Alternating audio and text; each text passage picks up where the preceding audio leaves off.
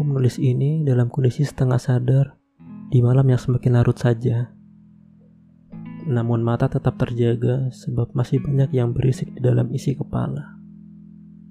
Perihal kata-kata yang sulit diucapkan oleh lidah, aku selalu saja payah mengungkapkannya. Bagaimana bisa beberapa dari mereka lancar-lancar saja untuk berkata-kata tentang apa-apa yang ada di dalam isi kepala mereka? Menyebalkan Kadang aku iri ingin bisa melakukan hal lancang seperti itu. Namun selalu saja semua yang ingin dilontarkan mulut hanya tertahan di pikiran. Iya, aku tidak sehebat itu untuk berkata-kata.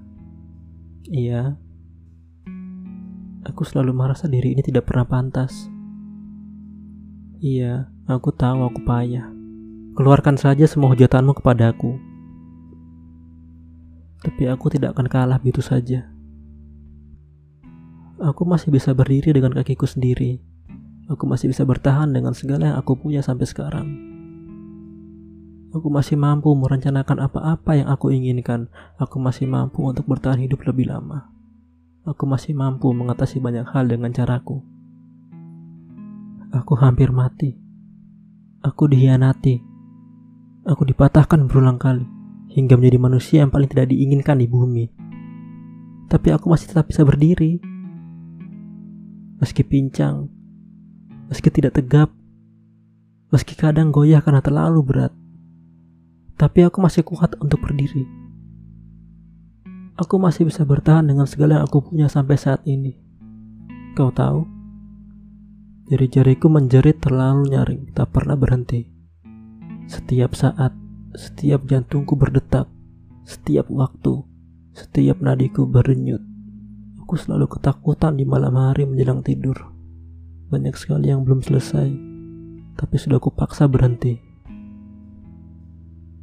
Menyakitkan.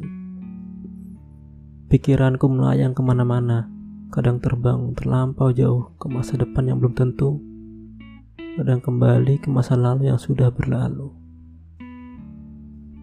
Aku sering kali merasa tidak baik-baik saja. Namun selalu kupasang wajah ramah untuk menatap mata orang-orang agar terlihat baik-baik saja. Pikiran acak yang selalu muncul ketika pukul 2 pagi selalu membombardir sampai aku kewalahan sendiri. Embusan napas menjadi tidak teratur. Sesak di dada semakin terasa. Ruang tidur rasanya seperti penjara. Aku terperangkap dengan kerumitan yang kubuat sendiri merepotkan. Tak ada yang mendengarkan, tak ada yang benar-benar peduli. Kenapa? Kenapa? Kenapa? Kenapa? Kenapa? Kenapa? Kenapa? Tanya mereka yang hanya ingin tahu lalu menghakimi sesuka hati. Padahal yang kubutuhkan hanya telinga. Tentu saja aku punya ragam luka. Aku juga manusia. Semakin ke sini aku jadi semakin mengerti. Beberapa orang hanya penasaran saja dengan ceritaku, mempermainkan percaya seolah itu hal yang murah.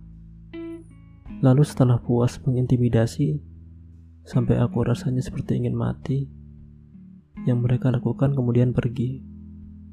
Siklusnya akan terus berputar seperti itu. Entah sampai kapan. Meski jeritanku tak pernah didengar, aku masih bisa bertahan dengan sisa-sisa harapan yang masih ada.